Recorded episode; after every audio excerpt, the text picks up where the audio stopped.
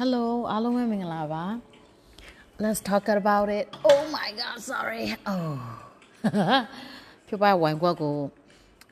စပွဲပေါ်လေးတင်လိုက်တဲ့အချိန်မှာဥကလိစားတွေခေါက်ခောက်ခွေးပြီးတော့အဲ့လိုအတန်တွေဖြစ်သွားပြီ Anyway welcome back to Let's talk about it podcast အဲ့တော့ဒီနေ့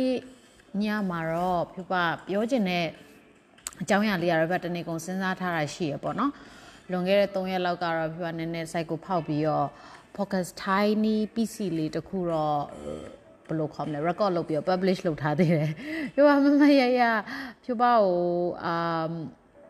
အဲ့ဒီ focus လေးကိုနားထောင်ဖြစ်တဲ့လူအ ਨੇ စုပေါ့အ ਨੇ စုဆိုတာအမှ3-4ယောက်လောက်ကပြပါကိုလာပြီးတော့ chill လုပ်ကြတယ်လာပြီးတော့စကားပြောပေးကြတယ်တယောက်ချင်းစီကျေးဇူးများတင်ပါတယ် I love you guys coffee date date ကြမယ်เนาะကျွန်တော်တော့ပုံရက်ပြီရော okay အဲ့တော့ အခုဖြပပြောချင်တဲ့အကြောင်းအရာကတော့ like နေနေနေနေဒီနေ့ဒီပြောပြမယ် podcast မှာပြောမယ် topic ကိုမရောက်ခင်ကျမတနေ့ကုန် like control လုပ်လို့မရတဲ့ပြဿနာတစ်ခုရှိရဲ့အဲ့ဒါကလွန်ခဲ့တဲ့အဲတနေ့လောက်တနေ့ညမှာပေါ့ဖြူပါလို့မျိုးပဲဒီအဲခန်းရဲ့စပွဲကုံမှာထိုင်ကုန်မှာဘယ်တော့မှထိုင်မှုထိုင်ကုန်ကအိမ်မှာရှိတာဘယ်နှလုံးလဲ အာ6လုံးလောက်ရှိတယ်လုံးဝထိုင်ကုန်မှာမထိုင်မှုကျန်းငင်းပေါ်မှာခြေဆင်းပြီးထိုင်ရတာဝါသနာပါတယ်ဒါလူတိုင်းပဲအစင်သိရှိတဲ့အရာတိုင်းကိုလူတိုင်းဟာဘယ်တော့မှမလုပ်ဘူးစောက်တလွဲကိုပြောင်းပြန်လုပ်တယ်ဒါလူတော်ပါဝပဲအဲ့တော့ကျမလည်းလို့ပဲကျန်းငင်းပေါ်မှာထိုင်နေတဲ့အချိန်မှာရုတ်တရက်ကြီးပေါ်အတင်မှာခြေတော့ကဟိုအမွေးလေးတွေကို somebody ကလာပြီးတော့လေးနဲ့မှုတ်တလို့လို့လာပြီးလှုပ်တလို့လို့ဖြစ်တယ်ပေါ့ဖဖဖဖဆိုပြီးကြည့်လိုက်လို့ကြည့်လိုက်ကောကျမဟာပွဲစိတ်လမ်းကြောင်းပေါ်မှာဖင်နဲ့ခုပြီးထိုင်နေတာတော့ဆိုတော့ပွဲစိတ်ကလည်းအကြီးတွေမဟုတ်ဒါပေမဲ့အနီကောင်လေးတွေဆိုတော့ပွဲစိတ် and အနီကောင်သေးသေးလေးတွေဆိုလူတော်များများသိရသူတို့ကအဲ့လိုမျိုးနည်းနည်းမွားမွားမွားနဲ့အဲ့လိုမျိုးဟိုပြည့်တိပြည့်တွေအများများပြီးတခါလေကြားလို့ရှင်အနီဖြစ်တဲ့အတွက်ကြောင့်ကြိုက်တယ်ကြိုက်တဲ့အတွက်ကြောင့်ကြိုက်ရင်အစိတ်တက်မယ်အစိတ်တက်ပြီးတော့အဖူပေါက်မယ်ရားမယ်ပျော်ရစိတ်ကိုပယုတ်စီလိမ့်လာလို့ရှင်သိမယ် anyway ဒါငငယ်တွေကအမေတို့ဖေတို့တင်ထားတဲ့ဒါသဘောတရားပေါ့နော်အာနပြပါဟဲ့ what the fuck ပေါ့ငါပွဲစိတ်ပေါ်တထိုင်မိရေဆိုပြီးတော့ပွဲစိတ်လမ်းကြောင်းကိုကြည့်လိုက်တော့အော်ငါမနေ့တနေ့ရပဲဒီနားမှာအာလူကြော်စားထားမိလို့လားဒါမှမဟုတ်ငါစားထားမိတဲ့ထမင်းစီလေးရပဲပြုတ်ကြနေရလားပေါ့နော်ဆိုပြီးပြောပါအဲ့နာတဝိုက်ကိုတန့်ရှင်းလေးလုပ်ပြီးတော့အဲ့လိုပဲဆက်ထိုင်တယ်အဲ့ဒါနဲ့နောက်15မိနစ်လောက်နေတယ်နေအဲ့လမ်းကြောင်းကြီးပြန်ရောက်လာပြန်အောင်ကျမကလည်းအမှတ်မရှိရနော်ဒီနေရာမှာစောက်တလွဲတွေပြည့်နေဆိုတော့တည့်ရတာနဲ့ဦးမဲငါတခါလေးတန့်ရှင်းလုပ်လိုက်တာနဲ့ဒီလောကကြီးကအကုန်လုံးဆင်ပြေသွားမယ်လို့ထင်တဲ့အတွေးရလေ ဒုက္ခတွေရောက်နေရတော့အဲ့အတွေးကမပြောက်ဘူးကိုကကိုလည်းစဉ်းစားလို့မရဘူးလူဆိုတာဘယ်လောက်ထိအုံနောက်မရှိကြတဲ့တတ္တဝါတွေလဲဆိုလို့ရှင်ဟိုကောင်တွေကလမ်းကြောင်းကြီးကပြန်ဖောက်လာပြန်အောင်ငါနဲ့ကျမအဲ့တစ်ခေါက်မှာတော်တော်ထိရပါဆိုဖြူပါရဲ့တင်ပါကြားရတဲ့ပါသူတို့က ဒီကောစီလာမယူငါတို့ကြိုက်မယ်ဟာဆိုပြီးတော့တင်ပါနဲ့ပေါင်ပါဘူးတွေပိတ်နေအများကြီးပဲအဲ့ဒါနဲ့အော်โอเคပေါ့ထားလိုက်တော့မယ်နောက်နေ့ကျရင်တော့ဘာပဲပြောငါတပြက်စီးလဲလိုက်လို့ရှင်အချိုရှိတဲ့နေရာဒါမှမဟုတ်သူတို့သွားကျင်တဲ့အစာနေရာကသူတို့မရှိတော့လောက်ဘူးဆိုပြီးကျမလည်းတန်ရှင်းရလုပ်ပြီးအိတ်သွားပြီးတော့ဒီနေ့မနေ့အိတ်ရနိုးလာတော့အဲ့လမ်းကြောင်းကရှိသေးတယ်တော့သိလားအဲ့ဒါကျမအိယာနိုးလာပြီးတော့လမ်းကြောင်းကရှင်းရှင်းလင်းလင်းမြင်ရပြီဆိုမိုးလင်းနေပြီ哦မိုးလင်းတော့ကျမလိုက်ကြည့်တော့ तू ကကျမရဲ့အိမ်ရှိဝရန်ဒါကနေပြီးတော့ ဟိုးအိမ်နောက်ဖေးရေတယောက်ပေါက်ဒီအိမ်နောက်ဖေးမိဖို့ကန်တွေကထမင်းစားကန်တွေကအဲ့ဒီရေတယောက်လို့ခေါ်မလားဘယ်လိုခေါ်မလဲဘေးစင်ရဲ့အောက်ကအပေါက်ထိသူတို့ရဲ့လမ်းကြောင်းဟာအဲ့လောက်ရှည်တာနော်ဆိုတော့ပြောရရင်တအိမ်လုံးကိုဖြတ်ပြီးတော့လမ်းလျှောက်နေရကျမသိရတော့တို့အလုပ်လုပ်နေတော့ကြာပြီ၃ညဇက်တိုက်လောက်ရှိပြီလို့ကျမထင်တယ်နောက်တစ်ခုကကြာဘာလဲဆိုလို့ရှင် ဘလောက်ထိဇွဲနှစ်ပဲကြီးသောတရိษံနေလဲဆိုလို့ရှင်လေလူတွေသာပဲအဲ့လောက်သူတို့လောက်စူးစမ်းမယ်ဆိုကျမတို့ကဘာကြီးကလေတော်တော်အောင်မြင်ပြီးတော့ပျော်ရွှင်နေတဲ့တတဝါတွေနေတဲ့နေရာဖြစ်မှာတလားပွဲစိတ်လောက်တာဖြစ်ပါတော့ကမစူးစမ်းဘူးတခါကြလဲလေပညာတွေလည်းရပါတယ်ဆိုတာဒီလိုမျိုးအပိုင်းပဲသူတို့ကလေဖြူပါတနေကိုမျိုးစုံတတ်တယ်ဖြူပါကတတ်တယ်ဆိုတာတမတက်တက်တတ်တာတော့မဖြူပါသူတို့ဒီနေရာမလာစေချင်တော့တာကွာအဲ့ဒါနဲ့ဖြစ်ချင်တော့အိမ်မှာပိုးသက်ဆေးရလည်းမရှိတော့ပိုးသက်ဆေးနဲ့တော့မဖြန်းမိမဲ့ရေပစိုးဝတ်လေးနဲ့လိုက်တိုက်တယ် အကုန်လုံးလုပ်တယ်ဘလို့မှလုပ်လို့မရပါဘူးရှင်အခုလည်းကျမတို့လမ်းကြောင်းကြီးကိုကြည့်ပြီးတော့ဒီ podcast ကိုသွင်းနေတာဖြစ်ပါတယ်အဲ့တော့ဘလို့လဲဆိုလို့ရှင်ဖြိုးပမှာဒီ phobia တခုရှိရနောက်တော့မျိုးကြဖြိုးပရဲ့ဒီ anxiety ပေါ့နော်အဲ့ဒါဘာလဲဆိုအဲ့လိုမျိုး tiny သေးသေးလေးတွေအဲ့လိုမျိုးရွက်စီရွက်စီတွေဖြစ်နေတာမြင်လို့ရှင်ကြောက်တာမဟုတ်ဘူးဖြိုးပမကြောက်ဘူးဒါပေမဲ့ဖြိုးပကအဲ့လိုနည်းနည်းအဲ့လိုဘယ်လိုခေါ်မလဲအဲ့လိုနည်းနည်း ကိုလှုပ်ချင်တဲ့ဟာအတိုင်းမဖြစ်လို့ရှင်ဒါမှမဟုတ်လေသူ့ကိုတန်ရှင်းလုပ်လိုက်တဲ့အတွက်ကြောင့်တန်ရှင်းသွားစေချင်တာမလားစေချင်တော့ကိုလှုပ်ချင်တဲ့အတိုင်းမဖြစ်တဲ့အတွက်ကြောင့်ဖြိုးပါ anxiety တွေအရင်ဖြစ်နေတာဒီစိတ်ထဲမှာလေအရင်ဦးရီအသေးတွေရပြီးတစ်ချိန်လုံးထိုင်ကြည့်ကြည့်ပြီးတော့လေရေစိုးဝင်းနဲ့တိုက်တိုက်နေဒီနေ့ခါ90လောက်ရှိပြီအဲ့တော့နောက်ဆုံးဘာဖြစ်လဲဆိုတော့ဟိုကောင်တွေကလည်းဇွဲနဲ့ပဲကြီးစွာနဲ့လမ်းကလည်းရှောက်တလားမပြောနဲ့အဲ့တော့ကျမပညာတွေကူရနေပြီဘာလဲဆိုတော့အချို့အကြောင်းအရာတွေကကိုဘလုံးမ control လုပ်လို့မရဘူးဖြိုးပအရန်ထိုင်ခြင်းတဲ့နေရာမှာဖြိုးပထိုင်လို့မရဘူးဆိုပွဲစိတ်လမ်းကြောင်းဖြစ်နေလို့ ကိုကဒီနေရာမှာပွဲစိတ်လမ်းကြောင်းရှိတယ်ဆိုတော့သိရတာနဲ့ဇွတ်တရွတ်ထိုင်ခြင်းနဲ့ကျမကလည်းကျမပဲဟိုကောင်တွေကလည်းသူတို့ရဲ့ ecosystem မြတ်သူတို့ရဲ့လုပ်ရမယ့်ကာရမယ့်ဟာကြီးက like သူတို့ဘောစီကခိုင်းထားတော့လေသူတို့ကဒီလမ်းကြောင်းကြီးကိုအစာမရှိဘူးเนาะသူတို့ဘာလို့သူတို့ရာသီဥတုပူလို့ပဲအေးတဲ့နေရာကိုပြောင်းလာလားတော့မသိဘူးတို့တအိမ်လုံးကိုဖြတ်ပြီးလမ်းလျှောက်နေတာအခုထိမျိုးတွေဆွေတွေမကုန်သေးဘူးအဲ့တော့ပြပြောချင်တာလေဒီနေ့ topic ကိုပြမဒီနေ့ topic ကိုရောက်ပြီးတော့သေးရဖို့ရောက်သွားလို့ဆိုတော့ပြဒီနေ့ပြောချင်တဲ့အကြောင်းအရာ ခါကြလို့ရှင်ကို control လုပ်လို့လုံးဝမရတဲ့အရာတွေပေါ်မှာပြပတို့ဘလိုမျိုးဟိုကိုယ့်ရဲ့စိတ်ချမ်းသာမှုကိုကိုကိုယ်တိုင်ဘလိုမျိုး calm ဖြစ်အောင်နေကြမလဲဘလိုမျိုးစိတ်ထိန်ပြီးတော့ focus ပေါ့နော် like ဘယ်ဟာအရာပဲလို့လို့ကိုကထမင်းစားရင်လည်းဘယ်လို focus ထားမလဲဖြူပါဆိုရင်ဒီပွဲစိတ်လမ်းကြောင်းရှိတဲ့အတွက်ကြောင့်တအိမ်လုံးကိုဖြူပါအလုပ်လုပ်ရတာအဆင်မပြေဘူးအာစိတ်ကသူ့စီပဲရောက်နေတဲ့ဟာမျိုးတွေဆိုရင်ကိုတကယ် focus လုပ်ချင်တဲ့အရာကိုဘယ်လို focus လုပ်မလဲ နောက်တစ်ခုကကြတော့ဟိုဘယ်လိုခေါ်မလဲကိုဘယ်လိုမှလိုက်ပြီးပြင်ဆင်လို့တဲ့ပြင်ဆင်လို့မရတဲ့အခါမျိုးတွေကိုဘဝမှာဖြစ်နေတဲ့စောပဒနာပေါင်း16000ထောင်ပိုဆိုးတာကိုယ့်အိမ်မှာကိုယ့်ဘာကိုဖြစ်တဲ့ပြဿနာတို့ကိုယ့်ရဲ့မျက်နှာပေါ်မှာဖြစ်တဲ့ဝက်ချံတို့ကိုယ့်ခေါင်းမှာဖြစ်တဲ့ဘောက်ဖတ်တို့က control လုပ်လို့ရသေးတယ်ကျမတို့အခုဖြစ်နေတဲ့မြန်မာနိုင်ငံသူနိုင်ငံသားတိုင်းဖြစ်နေတဲ့စောက်တလွဲပေါင်း16000ထောင်တခါလေကြာရင်ကျမတို့ပြန်ပြီးတတိချာချာစဉ်းစားရင်ဒီပွဲစိတ်လမ်းကြောင်းနဲ့ဖြိုးပါနဲ့လို့ပဲ control လုပ်လို့မရဘူးလုံးဝ control လုပ်လို့မရတဲ့ဟာမျိုးရှိတဲ့ခါကျတော့ကျမဘလို့စိတ်ထိန်ပြီးတော့နေလဲဘာဖြစ်လို့ဆိုတော့ကိုစိတ်မထိန်လို့ရှင်ကိုပဲလောင်နေမှာလေဆိုတော့ anyway တော့ဒီနေ့ပြောချင်တဲ့ topic လေးကတော့အာပြဿနာပေါင်း16000ကြားထဲမှာဘယ်လိုရှင်းတမ်းမလဲဘယ်လိုမျိုး keep calm ဖြစ်အောင်နေရမလဲဆိုတာလေး tips and trick လေး၅မျိုးလောက်ပြပြချင်ပါတယ်အဲ့တော့ဒီ podcast လေးကိုအားလုံးပဲသဘောကျမယ်ထင်တာပဲ အခုတလောလေးဖြိုးပါဘယ်လောက်ထိစိတ်ဓာတ်တွေကလေတဖုံဖုံကြနေလဲဆိုလို့ရှင်လေအရက်တော့တာတော့မမူးတယ်လို့ခံစားရတယ်ဟိုတခါလေကြာလို့ရှင်အဲ့လိုမျိုးဒီ alcohol တွေကဒီ blood stream နဲ့ဝင်သွားပြီလို့ရှင်သူကဖြိုးပါစီမှာဆိုပုံမှန်ဖြစ်ရင်ဖြိုးပါရဲ့ခန္ဓာကိုယ်က wine ကို full glass နဲ့3ခွက်လောက်တောက်ပြီးဆိုဖြိုးပါတော်တော် tipsy ဖြစ်ပြီးညဆိုအိပ်ပျော်ပြီ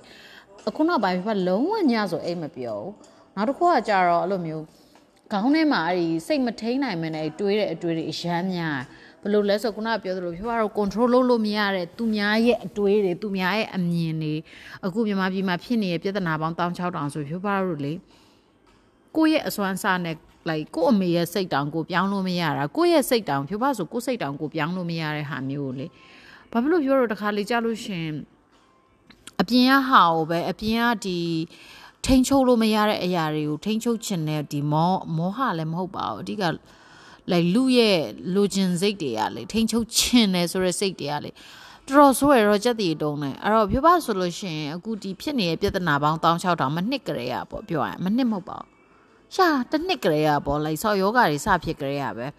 ဖြူပါတယ်လို့ရိုင်းဆိုင်တဲ့မျိုးစားကြီးဖြစ်သွားအရင်ကလေးကလိုက်မွေးရပါကျွန်မရိုင်းခဲ့လိမ့်မယ်ထင်ပါတယ်လူသားတိုင်းမှာသူတို့မှာ like good side နဲ့ bad side like even နဲ့ pure ဖြစ်တဲ့ side ကဒါလူတိုင်းမှာရင်းအညံတာအကုန်လုံးကွာနှစ်ခုစလုံးတွဲပါပဲဒီဥစ္စာကိုမှလက်မခံဘူးဆိုလို့ရှင်လိုက်ကျမလည်းမတက်နိုင်တော့ဘူးဒီဥစ္စာမရှင်းပြတတ်ဘူးတခါကျပြောပြရလားလူကြီးရဲ့နဲ့ရန်နေပါတယ်တောင်ဖြစ်တယ်အဲ့လိုမျိုးဖုန်းကြီးဆိုတာတိုင်းကောင်းမနေဘူးဖုန်းကြီးမှလည်းသူ့ရဲ့ good side နဲ့ bad side ရှိမှာပဲဆိုတော့လေကျမကတဲ့ဖုန်းကြီးကိုတဲ့ပြစ်မာတယ်တဲ့ကျမဟာကြက်တီတုံလူဆိုးမှငရဲအိုးဂျိုးကတ်မဲ့မိန်းမဆိုပြီးတော့အဖွားဆူတယ်ပေါ့နော် anyway ပြောချင်တာတော့ဘာလဲဆိုတော့ခုနပြောသလိုပဲကိုယ့်ရဲ့ခံစားချက်ကိုယ့်ရဲ့အတွေးနဲ့ကိုယ့်ရဲ့ဒီဘယ်လိုခေါ်မလဲကိုယ့်အပေါ်မှာတက်ရောက်မှုအရာတိုင်းကိုကိုယ်ပဲ control လုပ်နိုင်တာဖြစ်တဲ့အတွက်ကြောင့်ဖြူပါဒီနေ့မှာတော့မနစ်ကလေးကနေစပြီးတော့ depression ပေါင်း16000ဝင်တဲ့အခါမျိုးတွေအပြင်က society တစ်ခုလုံးကြီးကအရန်ကို upside down ဆဟန်ဆိုးသွမ်းပြီးအရင်တော့မြန်မာနိုင်ငံဟာ hospitality အပြည့်နဲ့လုံးဝကိုယဉ်ကျေးသိမ်မွေ့ပြီးတော့ဟိုကုညီတတ်သောနိုင်ငံဆိုတာမျိုးမဟုတ်ဘဲနဲ့မြန်မာနိုင်ငံကိုမသွားကြပါနဲ့ဟေးဆိုပြီးတော့နိုင်ငံတကာကနေပြီးတော့ပိတ်ပြီးတော့အနီအောင်အဆင့်နေပြနေဒိုးနိုင်ငံကြီးကိုအဲ့လိုမျိုးအခြေအနေဖြစ်တဲ့အတွက်ကြောင့်ကျမတို့ဟာဘလို့နီးနေမှအာဘလို့ခေါ်ရမလဲ အကောင်ကတော့ကိုကိုရာမြင်လို့မရဘူးတကယ်ကိုကိုလုံးဝမြင်လို့မရတာအဲ့တော့ဖြောပြောပြတဲ့ tips လေးတွေကမနစ်ကလေးဖြော depression ပေါင်း16000နဲ့အပြင်မှာဖြစ်နေတဲ့စောက်တလွဲပေါင်းများစွာမှာကျမအခုလိုဆွာစီလန်နဲ့ကက်ကက်လန်ပြီးတော့လိုက်အ ਨੇ ဆုံးတော့ကိုကိုနီကိုဟန်နဲ့ survive လုပ်ပြီးတော့ဟိုစိတ်ထဲမှာအမြဲ depression ကြီးနဲ့အုံမိုင်းနေတဲ့လူသားတယောက်မဖြစ်အောင်ဘယ်လိုနေလဲဆိုတဲ့အချက်ကလေးတွေပေါ့နော်ဆိုတော့ပထမဆုံးအနေနဲ့ပြောပါဘယ်မှာတိသွားလဲဆိုတော့ဘယ်ဟာမှပြောတော့ control လုပ်လို့မရတာဖြစ်တဲ့အတွက်ကြောင့် ဖြစ်ပါတော့ခါကျအဓိက social media digital media အဓိကဒီ online ပေါ်မှာအာဒီ internet fake news တွေတခါလေကြာလို့ရှင်ဒီသွေးထိုးတဲ့ news တွေတခါလေကြာလို့ရှင်အာလူတွေရဲ့ဒီရတုတရတာနဲ့ like သူတို့ရဲ့စကေးချမ်းစွာရေးထားတဲ့ article တချို့တွေအချို့လူတွေရဲ့သွေးဒီဘယ်လိုခေါ်မလဲ ဟိုဒီဘယ်လိုခေါ်လဲအဲ့ဒါရွဲ့ဆောင်ပြီးရေးထားတဲ့စာကိုဘယ်လိုခေါ်လဲ anyway ဆိုတော့အဲ့လိုမျိုးသူများတွေရွဲ့ပြီးရေးတဲ့တယော်ပြီးရေးထားတဲ့တယော်ထားတဲ့စာမျိုးတွေတခါကျဖတ်မိလို့ရှင်ဒီစာပေ literature ကလူရဲ့ဒီ art တွေတော်တော်များများလူရဲ့ခန်းစားချက်စိတ်ရဲ့ပြုမှုပုံကြည့်လိုက်တဲ့အချိန်မှာလူတွေရဲ့ယူပုံနဲ့ပြန်ပြီးတော့ခန်းစားရတဲ့ပုံစံမျိုးကိုသူတို့ကအာဟို directly affect ဖြစ်တာ哦အဲ့ခါကျမြို့ပါကတော့တတ်နိုင်တဲ့လောက်အဲ့ဒါမျိုးတွေကိုမကြည့်တော့တာအကြိုက်ဆုံးပဲပေါ့နော်ဘာဖြစ်လို့လဲဆိုတော့မြို့ပါဆိုလို့ရှိရင် အဲ့လိုကိုက depress ဖြစ်ကိုအရန်စိတ်ညစ်နေပါတယ်ဆိုကမှပဲဘာမှမဟုတ် Facebook လေးကို twin twin ပို့လိုက်တဲ့အချိန်မှာဥပမာလူတစ်ယောက်ကဒီသတင်းတစ်ခုပေါ်မှာမူတည်ပြီးတော့ဥပမာနာရေးသတင်းပေါ့နော်ကဘာပေါ်မှာလိုက်နာရေးသတင်းကဒါအဆိုးရွားဆုံးပဲဘလို့နီးနဲ့ပဲလူသေးသေးပြောပြောချင်တာနာရေးသတင်းဒီစိုးဆုံးသတင်းပဲဘလို့နီးနဲ့ပဲခုနပြောသလို like ridiculous ဖြစ်ပြီး funny နီးနဲ့ပဲဆုံးပါဆုံးပါ လူများတက်လို့ပဲတေးတေး accident ဖြစ်လို့ပဲတေးတေးဘယ် new ပဲဖြစ်ဖြစ်လူသားတိုင်းဟာတေးမာကိုရမ်းကြောက်တယ်ကြောက်တဲ့အတွက်ကြောင့်အဲ့ဒါကိုကြည့်ပြီးဆိုလို့ရှင်ဖြစ်ပါတော့ခန္ဓာကိုယ်တွေကနေပြီးတော့သူ့ရဲ့အတွေးခေါ်တွေနဲ့အကုန်လုံးကလူတွေကပွပွက်ဆူပြီးတော့စိတ်မကောင်းတာလူတိုင်းဖြစ်တာပဲအဲ့ထဲထဲမှာမှ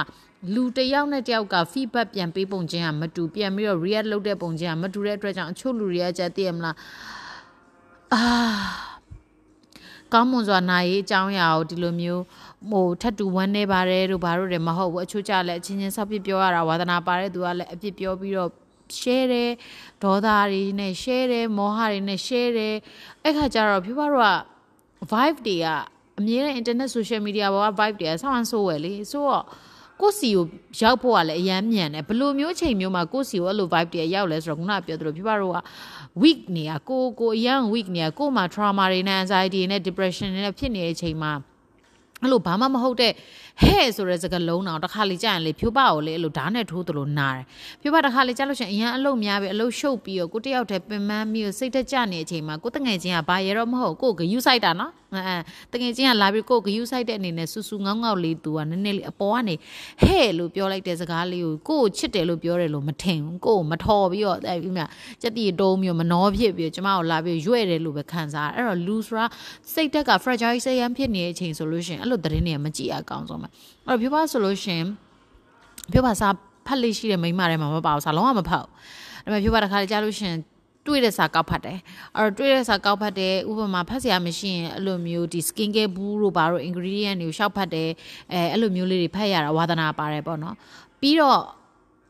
hobby တစ်ခုကိုပြောပါတော့အဲ့လိုမျိုးအရန်ဒုက္ခရောက်နေတဲ့အချိန်မှာလူတွေကို hobby လုပ်စေချင်တာ hobby တစ်ခုခုရှိစေချင်ဒါပေမဲ့ hobby ကအရင်ကတည်းကကို့မှာကို့ကိုပြောအောင် pleasure ပေးနိုင်တဲ့ hobby မျိုးတွေရှိတတ်တယ်ဥပမာချို့လူဆိုတချင်းဆိုတဲ့ချို့ဆိုကတယ်ပြောတငယ်ချင်းတော်တော်များများကတယ်ကတယ်ပြီးတော့ပကြီးဆွဲတတ်တဲ့တငယ်ချင်းတွေပေါ့နော်အရန်တော်ဆိုတော့အမှဖြိုးပါကြတခုမှ talent မဖြစ်တော့မနစ်ကတော်တော်များများသတိထားမိမလားမသိဘူးဖြိုးပါကဘာလုပ်လဲဆိုလို့ရှင်အာဟိုဟာ ရုပ်သေးကတာတင်နေပေါ့နော်ဆိုတော့ဘာလဲဆိုတော့ဖြိုးပါအဲ့လိုအရင်တည်းကရှိပြီးသား hobby ကိုတခါလေကျအချို့လူတွေကကို့အတွက်အဲ့ဒါအလုံးမဖြစ်တော့တာမျိုးရှိရကိုပုံမှန်တောက်နေကြစေကိုပုံမှန်တောက်နေကြဖြည့်စည်းလေးကကို့အတွက်မထိတော့တာမျိုးတွေဖြစ်လာလို့ရှင်အဲ့လိုအစ်စ်ကလေးနဲ့ကိုက try ရတယ်ပေါ့နော်အဲ့ဒါမှဖြိုးပါမနှစ်တုန်းကတော့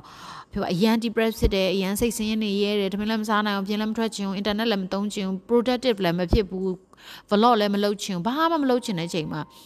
ငါငငယ်တော့ဘာတွေအရန်ကြိုက်ခဲ့တာလဲငါခုနှစ်တန်းတော့ဘာတွေလုပ်နေရလဲတခါကျလူရဲ့အုံနောက်ကပြီးခဲ့တဲ့တောက်ကြနေကဘာစားလဲတော့မမှတ်မိပါဘူးဒီတပတ်တောက်ကြနေမှာပြီးခဲ့တဲ့တောက်ကြနေကဘာစားလဲလာမမင်းနဲ့အဲ့ဒါ ridiculous question ပဲဘာမှမမိဘူးသိရမလားဆိုတော့ဒါပေမဲ့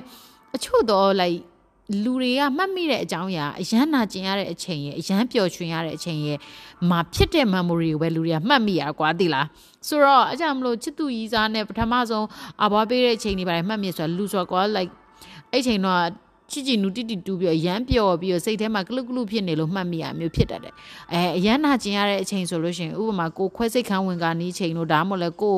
ကားတိုက်သွားတဲ့အချိန်တို့ဒါမှမဟုတ်ကိုပါကိုဓာတ်နဲ့ရှာတဲ့အချိန်တို့ဒါမှမဟုတ်ကိုလူတယောက်ကနေရင်အုပ်တဲ့အချိန်တို့ဒါမှမဟုတ်ငငယ်တော့အမေဖြိုးပါကိုဖင်လန်ပြီးတုံးနဲ့ရိုက်တဲ့အချိန်တို့အမလေးကုတိမှတ်မိရဆိုတော့အဲ့ဒီလူရဲ့ဒီဖြိုးပါတို့ရဲ့ own house psychology အလုပ်လုပ်ပုံကလူကအပျော်ရွှင်ဆုံးချိန်ရဲ့အနာကျင်ဆုံးချိန်ရဲ့ကိုအမှတ်မိဆုံးမကြံတဲ့ချိန်တွေက အကုန်မေ့တာနောက်မှဖြစ်ပါအဲ့အကုန်မေ့တတ်တဲ့အကြောင်းအရာတွေကို live story လေးနဲ့ပြန်ပြောပြမယ်ဖြစ်ပါတော်တော်မမှတ်မိတဲ့အကြောင်းအရာတွေရှိတယ်ဆိုတော့အခုဖြစ်ပါပြောချင်တာကဒါခါလေကြားလို့ရှင်ကိုယ့်ရဲ့ငငယ်တုန်းကကိုအပျော်ခဲ့ဆုံးကိုအဲ့တော့ဘာတွေလုပ်ခဲ့လဲဆိုတာလေးတခါကျရင်အခုဒီ podcast လေးများရောင်းလို့နားထောင်ပြီးလို့ရှင် like အဲ့ဒါလေးချရေးထားချရေးကြည့်စေခြင်းနဲ့ဥပမာငါသူငယ်တန်းတော့ဘာလုပ်နေလဲသူငယ်တန်းကတော့တော်တော်ဝေးမမှတ်မိဥပမာငါ first year လောက်တုန်းက ဘာလုပ်တာဒါမှမဟုတ်ငါခုနှစ်တန်းလောက်တုန်းကဘာလုပ်ရတာကိုငါအရန်ပျော်ရလဲအဲ့တော့ငါငါတငယ်ချင်းနဲ့စာရီအော်ကြက်ရတာကိုပျော်တာလားအဲ့ဆိုရင်အဲ့တငယ်ချင်းရောအခုဘာလုပ်နေလဲမသိဘူးဆိုတော့အဲ့လိုမျိုးလေးတွေးမိတာမျိုးပေါ့ဖြိုးပါဟိုတနေ့ကဆိုအဲ့လိုစိတ်ညစ်လူတွေဒုက္ခရောက်နေတဲ့အချိန်မှာ like စိတ်တွေအကုန်ညစ်ပြီးဖြိုးပါအင်တာနက်လည်းမသုံးချင်ဘူးဖြိုးပါတနေ့ကုန်အိတ်နေရမီဒီယာလည်းပြတ်တယ်အိတ်တယ်ဆိုတာအိတ်ပျော်လို့အိတ်နေရမဟုတ်ကွာဟိုလိုမျိုးကြီးလှဲနေရပေါ့တိလားကြက်တီတုံးဆိုတာလှဲနေရပေါ့အဲ့တော့ အဲ့လိုလှဲနေတဲ့အချိန်မှာပြပပြန်တွေးမိရပါဆိုငငယ်တော့ Beyonce တချင်းကိုပဲနားထောင်တဲ့တငယ်ချင်းရှိရသူကသူ့ရဲ့ဒီ iPod တစ်ခုလုံးမှာတချင်းအပုတ်200ရှင် every song every song ငါ Beyonce တချင်းနေပြပတော့မရပါတော့ what the fuck is wrong with you သိရမလားပြပအဲ့တော့မသိကြရမယ်အဲ့တငယ်ချင်းပြပမှတ်မိရငငယ်တော့ဆိုလို့ရှိရင် ကျမနဲ့သူနဲ့တော်တော်လေးအဆင်ပြေအာဟိုတလောတော့သူနဲ့တွေးမိရတွေးမိတော့ဘာမှမဟုတ်သူ့ရဲ့ဖုန်းနံပါတ်ကငါမှများရှိသေးလားဘာညာလားဆိုပြီးတော့သူ့ကိုလှမ်းမြတငယ်ချင်းအဆင်ပြေလားအဆဆရရနင်ဒီအချိန်မှာဘာတွေလုပ်နေလဲဆိုဘာရမဟုတ်ဘူးစာပို့လိုက်တယ်ဆိုသူချက်ချင်း reply ပြန် ဆိုပြောပြောချင်တာခါကျရင်အဲ့လိုမျိုးကိုယ့်ရဲ့ပျော်ရွှင်ရတဲ့အချိန်ပထမဆုံးပျော်ရွှင်မှုတဲ့အချိန်လေးတွေငငယ်တုန်းကပျော်ရွှင်မှုတဲ့အတိတ်ကလေးတွေကိုပြန်တွေးပြီးတော့ guilty ဖြစ်မလဲအဲ့တော့ပြောလိုက်တာငါအခုတော့ဘလို့ဖြစ်နေပြီစိတ်ဆင်းနေရဲလိုက်တာဆိုတွေးနေမယ်အစားအဲ့တော့ဟာလေးတွေကို reflect ပြန်ဖြစ်အောင်ပြန်တွေးမိပြီးတော့ထလှုပ်လိုက်စေချင်တယ်ပေါ့နော်အဲ့တော့ဖြိုးပါကတော့မနစ်တုန်းကရုပ်သေးပါလို့ထတင်လဲဆိုလို့ရှင်ဖြိုးပါ အဲ့လိုမျိုးတထုံမှနေတော့လားမသိဘူးပြပါလို့ဖျားပွဲဆိုလို့ရှင်သူများတွေကဖျားပွဲစည်းမှာမုတ်လျှောက်စားတယ်တပ်ပုံရိုက်တယ်လို့ဟိုဟာဝဲဒီဟာဝဲအမေဆိုရင်တနခါတုံးတွေဝဲတယ်သိရမလားဘာလည်းမသိဘူးအမေဖြိုးပါအဲ့တော့ဆိုရင်ရုပ်သေးပွဲရှိမှာပဲပြောအမြဲရှိရပြောဘလူးကားကားတာကိုကြိုက်တယ်ပြီးတော့ဇော်ကြီးကနဲ့မင်းသမီးလေးတွေကားတာကိုရမ်းကြိုက်တယ်ပေါ့နော် အဲ့ဒါကြောင့်မလို့အဲ့ဒါကိုတွေးမိပြီးတော့မနှစ်ကဖြစ်ပါရုပ်သေးတင်မယ်ဆိုပြီးတော့ချက်ချင်းဖြစ်သွားတာပေါ့နော်အဲ့လိုပဲဒီနှစ်လဲဖြစ်ပါရန်စိတ်ညစ်နေတဲ့အချိန်မှာတငယ်ချင်းနဲ့ငငယ်တော့အကြောင်းပြေးတာလေးဘတ်ကစီးပြီးချော်လဲရလေးမှတ်မိတဲ့အချိန်မှာအဲ့တငယ်ချင်းအဆင်ပြေရလားဟဲ့ဆိုပြီးတော့ဖက်ကနေကိုလဲဘာလို့ဆိုကိုမအဆင်မပြေနေကိုအဆင်မပြေလူတိုင်းလည်းအဆင်ပြေမှာမဟုတ်ဘူးဒါပေမဲ့တခါကျရင်ဘလို့ခေါမလဲအမတ်တရားလေးရှိခဲ့တဲ့အတွက်ကြောင့်လိုက်ဟို သူ့ကြောင့်ကိုပျော်ရွှင်ဘူးတယ်ဒါမှမဟုတ်ဒီအရာလုံးလုံးငါပျော်ရွှင်ခဲ့တယ်ဒီအရာငါ့ကိုပျော်ရွှင်အောင်ထားတတ်တယ်တခါလေကြာဖက်ကနေသတိရလိုက်တဲ့ဟာလေးတွေကိုပြောပါအဲ့လိုလှုပ်စေခြင်းနဲ့ပေါ့နော်အဲ့တော့ဒီလိုဖြစ်နေတဲ့ disaster ဖြစ်နေ disaster တော့မဟုတ်ပါဘူး yeah kind of disaster ကဘာကြီးပြက်ခါနီးအခြေအနေနိုင်ငံကြီးပြက်ခါနီးအခြေအနေမှာ like ယူလို့ရတာဘာလဲဆိုတော့ကိုယ့်ရဲ့ပျော်ရွှင်မှုပဲရှိတော့အဲပထမဆုံးအနေနဲ့စိတ်ကိုခေါင်းဖြစ်သွားအောင်ရယ် like လှုပ်လို့ရတာလေးရတော့ပြပအကြံပေးလို့ရတာပထမဆုံး step ကတော့အဲ့ဒါပဲကိုကိုဘာပျော်ရွှင်အောင်လုပ်နိုင်လဲဆိုတာပြပတွေးစီခြင်းနဲ့ပြီးရဲ့ခါကျတော့အဲ့ဒီဟာလေးကို reflect ဖြစ်အောင်တခုခုလေးထပြီးတော့ဘာရမဟုတ်လှုပ်လိုက်စေခြင်းနဲ့ပေါ့နော်အဲ့ဒီကနေပြီးတော့ဘယ်လိုခေါ်မလဲအမ်နည်းနည်းလေးတော့ကိုယ့်ရဲ့စိတ်ညစ်နေတဲ့အကြောင်းအရာလေးတွေကရှော့ပေါ့သွားပြီးတော့အခြားအကြောင်းအရာလေးတွေကိုကိုစိတ်ရောက်သွားမယ်ဆိုရင်တော့ ဟိုအရန်အရန်ခံစားရတာတွေရန် depress ဖြစ်တာတွေပျောက်သွားမယ်လို့ပြောပါတော့မျှော်လင့်တာပဲ Okay အဲ့တော့ second tips second tips ကကြတော့နည်းနည်းလေးဘယ်လိုခေါ်မလဲနည်းနည်းမကောင်းနည်းနည်း a little negative တဖြစ်တယ်ဒါပေမဲ့အဲ့ဒါကြအဲ့လိုမျိုးနည်းနည်းလေး short temper ရှိတဲ့သူတွေဒါမှမဟုတ်စိတ်ရှုပ်လွယ်ပြီးတော့အဲ့လိုအရာအော်ဟစ်လိုက်ရပြီးတော့ like နည်းနည်းလေးဝုန်းတိုင်းကျဲလိုက်ပြီးတော့မှခမ်းဖြစ်သွားတတ်တဲ့သူတွေဥပမာကျမလို့လူမျိုးတွေအတွက်ပေါ့နော် ဖြိုးပါကဖြိုးပိုက် personality ဖြိုးပါတခါလဲကျစဉ်းစားလို့တော့မရဘူးဖြိုးပါကလည်းလူပဲသိရမလားမွေးရပါအကျင့်အတိုင်းသေတဲ့ထိဖြစ်ရအောင်ကျမတို့ကစိတ်ရုပ်လည်းမဟုတ်လူဆိုတာကသူ့ရဲ့ကြုံတွေ့လာတဲ့အကြောင်းအကြောင်းအရာတွေသူခံစားရတဲ့ခံစားချက်တွေနဲ့သူ့ရဲ့ဘဝရဲ့ပညာဘယ်လိုခေါ်မလဲပညာရေးဒီပညာတွေလည်းရလာပါတယ်ဆိုတဲ့အပေါ်မှာမူတည်ပြီးတော့ကျမတို့ကလူဆိုတာကဘယ်လိုခေါ်ရမလဲ ပြောင်းလဲသွားမှာပဲ personality ကသင်ခန်းစာပေါင်းများစွာပေါ်မှာလူဟာအမျိုးမျိုးပုံစံပြောင်းနိုင်တယ်အဲငငယ်တုန်းကဟိုဟာယောနသန်စင်ရောစာအုပ်ဖတ်ဘူးလားမသိဘူးတော်တော်များများကျမလောကကြီးမှာဘယ်တော့မှစာမဖတ်ပေမဲ့အဖေကလေအဲ့စာအုပ်ကိုကျမကိုအသေးဖတ်ခိုင်းတာပေါ့နော်ငငယ်တုန်းကလည်းဘာလို့လဲတော့မသိကျမခုနတန်းနဲ့ဖတ်ခိုင်းတာမှတ်မိရဲ့ဒါပေမဲ့ခုထိကျမစာအုပ်ကိုပြီးအောင်မဖတ်ပါဘူးအာကျမလည်းခေါင်းမာပါတယ်အဖေကလည်းခေါင်းမာတယ်ကျမလည်းခေါင်းမာပါတယ်လောကကြီးမှာ အဲ့လိုခေါင်းမာတဲ့အထဲမှာလို့ခေါင်းကိုတန်နဲ့ရိုက်လိုက်ရင်တော့ချက်ချင်းကွဲမယ်ဆိုပေမဲ့လေအကျော်တင်းပြီးခေါင်းမာတာတော့ကျမပါပဲဆိုတော့ကျမကလူတော်များများမသိဘူးဖြူပါကိုကြာတာပရိသမီးထင်နေကြတယ်ကျမဖြူပါအင်္ဂါသမီးပေါ့နော်လိုက်အင်္ဂါသမီးလည်းဖြစ်တယ်ပြဖြူပါလို့ Capricorn กว่าတည်လာလို့ January မှာမွေးတဲ့ Capricorn အလုံးလုံးရတာဝါသနာပါတဲ့ဂျိုသားမှာပေါ့နော်အဲ့လိုဘလောက်စိတ်ညစ်နေနေတခုခုလုံးနေရမှာကိုကိုပျော်တဲ့လူတွေမှာပါဒါပေမဲ့ဖြူပါအဲ့လိုမျိုးတနေ့တနေ့အရန် stress များတဲ့အလုပ်တစ်ခါကျရင်လူတွေနဲ့စကားပြောရတဲ့ဟာတွေလုပ်တော့ ဖြူပါမှာအဲ့အကျင့်တစ်ခုရှိအဲ့ဒါဘာလဲဆိုလို့ရှင်ဖြူပါအဲ့လိုမျိုးအော်ဆဲလိုက်ရဒါမှမဟုတ်လို့ရှင်မှွေလိုက်ရတာဖြူပါကြိုက်တယ်ဥပမာဖြူပါအဲ့လိုအချို့ကိစ္စတွေမှာဖြူပါ control လုပ်လို့မရတော့ဖြူပါကိုလည်းအဲ့ဒီအကြောင်းအရာက like ကြက်တီတုံးအောင်လုပ်နေပြီဆိုလို့ရှင်အဲ့ထက်ဆိုးတဲ့ပြဿနာကိုဖြူပါဖန်တီးတတ်တယ်ဆိုတော့ဒါပေမဲ့အခုဒီမှာဖြစ်နေတဲ့ဟာကတော့တေချာတယ်ကျွန်မလည်း control လုပ်လို့မရတယ်လို့အဲ့ထက်ဆိုးတဲ့မေးလို့မရအောင် line ထက်ဆိုးအောင်ကျွန်မလုပ်လို့မရဘူးကျွန်မသူ့လောက် ကြက်တီမတုံးကျွန်မလိမ့်ပါတယ်အဲ့တော့ပြောချင်တာတော့ဘယ်လိုလဲဆိုလို့ရှင်အာပုံမှန်အဖြစ်တော့ဖြူပါလို့မျိုးချုပ်ပြဿနာတွေဆိုရင်ကျွန်မအဲ့ဒီအဲ့ဒီပြဿနာထက်စိုးအောင်ကိုယ့်ရဲ့အိမ်တွင်းပြဿနာပဲဖြစ်တော့ကိုယ့်ပြဿနာတစ်ခုခုပေါ့နော်ဥပမာဖြူပါအလုံးမှာဆိုလို့ရှိရင်ဟိုနည်းနည်းလေးမှုေလိုက်ရမှသိရမလားလုံနေတဲ့ project ကိုလုံနေတန်းလန်းနေပြီးတော့ရုတ်တရက်စိတ်ညစ်လို့ဆိုပြီးတော့တော်ပြီးမလုပ်တော့တော့ပတ်စံနေတော့ပြန်ယူသွားလိုက်တော့ bye bye bitch အဲအဲ့လိုမျိုးလှုပ်လိုက်တာကွာအဲ့ခါကျတော့ပြောချင်တာဘာဖြစ်သွားလဲဆိုတော့တစ်ဖက်လူကတော့နည်းနည်း stress များသွားလိမ့်မယ်ဒါပေမဲ့ဖြိုးပါကြတော့ like a little savage ဖြစ်သွားဟောတိလားအကျင့်ပုံမှန်ယူဖြစ်ပြီးတော့တယောက်ယောက်ကိုပြက်လို့ပြက်စီး like နောက်ထပ်အသစ်ပြဿနာဖန်တီးလိုက်တာပေါ့နော် that is not good that is not good ဒါပေမဲ့တခါလေကြာတာအရန်လို့ဖြစ်တယ်တိလားကိုပါကိုပေါ့ဥပမာအပြင်ကကိစ္စတွေကိုအရန်စိတ်ညစ်နေပြီးတော့အိမ်မှာကိုပါကိုကိုရမ်းကြိုက်တဲ့ပလင်းကိုကောက်ခွဲလိုက်တာတော့ဘာလို့လဲအဲအဲ့ဒါလေ အဲ့ဒီရုပ်ရှင်တွေပါရတဲ့မှာဆိုသတိထားမိလားမသိလူတော်တော်များများအဲ့လိုမျိုးဒီ psychology ကအဲ့လိုမျိုးလူအရန်စိတ်ရှုပ်ပြီး violence ဖြစ်လာပြီးလူတက်လို့မရဘူးကွာဒါပေမဲ့အဲ့ဒီဒီ rage ကကွာအရန်ကြီးတယ်ကွာသူ့ရဲ့ဒီအထဲတွေက some kind of ဒီဘယ်လိုခေါ်မလဲဒီဖြစ်ပါရဲ့ဒီအတွင်းထဲကနေစိတ်ရခံစားချက်ကအရန်ပြင်းထန်မျိုး something ကို အခြားအရာအခြားအကြောင်းအရာတစ်ခုခုပေါ့နော်အခြားတစ်ခုခုကိုကျမတို့အဲ့အားကြီးနဲ့လို့လှုပ်ချပလိုက်ချင်တာလေအဲ့လိုစိတ်ကဘလို့မှမထိန်နိုင်လို့ရှင်ချို့ယောက်ျားလေးဆိုရင်ဖြစ်ပါမြင်တာပေါ့နော်ကျမတို့ဘယ်တော့မှနိုင်အောင်လက်နဲ့မထိုးကိုလက်ကပြော့နေတယ်အဲ့ခါကျအဆင်မပြေဘူးဒါပေမဲ့အဲ့လိုနိုင်အောင်လက်နဲ့ထိုးတာတို့ကိုခေါင်းနဲ့တိုင်နဲ့ဝင်ဆောင်တာတို့အဲပြပပြောချင်တယ်အဲ့လိုမကောင်းတဲ့ဟာတစ်ခုခုလှုပ်ကြည့်လိုက်ကိုနာသွားအောင်လုပ်ကြည့်လိုက်အဲအပြင်ပြဿနာတွေအကုန်လုံးတော်တော်မေ့သွားပြီအဲ့နာတဲ့ပြဿနာပေါ်မှာစိတ်ကရောက်သွားလိမ့်မယ်အဲ့ခါကျရင်ဒါမကောင်းတော့မကောင်းမိမယ် a little နည်းနည်းငြိမ်သွားတာပေါ့နော် တကယ်ငြိမ်သွားတာမျိုးလုပ်ကြည့်လိုက်ဒါမကောင်းတဲ့နီးဒါပေမဲ့အော်ပြီးမှနည်းနည်း tipsy ဖြစ်နေပြီဆိုတော့စိတ်ကနည်းနည်း like ရန်နည်းနည်းလေးဟိုဘယ်လိုခေါ်မလဲနည်းနည်းရွှင်ရွှင်လန်းလန်းလေးစကားပြောနေတဲ့ပုံစံဖြစ်နေတာပေါ့နော် နောက်တစ်ခုကဘာလဲဆိုတော့ဖြူပကအဲ့လိုမျိုးစာစာတာမဖတ်တာစာတော့ရေးရတာဝါသနာပါတော့အကြမလို့လဲ vlogger ဖြစ်နေတာပေါ့လေဆိုစာရေးရတာဝါသနာပါဖြူပဆိုလို့ရှိရင်လိုမျိုးမေလို့မရလိုက်မေလို့မရလိုက်ဒါမှမဟုတ်လဲဖေလို့မဖေလို့မဖေလို့မဖေလို့မအဲ့လိုမျိုးထိုင်ရေးထိုင်ရေးထိုင်ရေးပြီးလို့ရှိရင်မီးနဲ့ထိုင်ရှို့ရတော့ပါတော့လေစာရွက်တွေပါတယ်ကိုလေအဲ့ဒါလေတခါလေကြာရင် မထင်တာမထင်ရတာတော်တော်အလုပ်ဖြစ်တယ်တကယ်အရန်လုပ်ဖြစ်တယ်ဖြစ်ပါအရန်ကြိုက်တယ်အဲ့ဒါအရန်ကောင်းတယ်ဥပမာကိုယ့်ရဲ့ခေါင်းထဲမှာရှိနေအဆက်ဆက်ရရတဲ့အကုန်လုံးကို negative thoughts တွေအကုန်လုံးကိုစားနဲ့ချရေးလိုက်တာကွာဥပမာငါဘာဖြစ်လို့တခါလေကြာလို့ရှင်ရှမ်းရတာလဲငါအလုပ်လုပ်လိုက်တိုင်းငါ invoice ထုတ်လိုက်တိုင်းငါလူတွေနဲ့စကားပြောလိုက်တိုင်းပြောရမယ့်အကြောင်းအရာတွေအကုန်လုံးငါကြံခဲ့တယ်ငါတခါလေကြာတယ်ငါကိုငါလည်း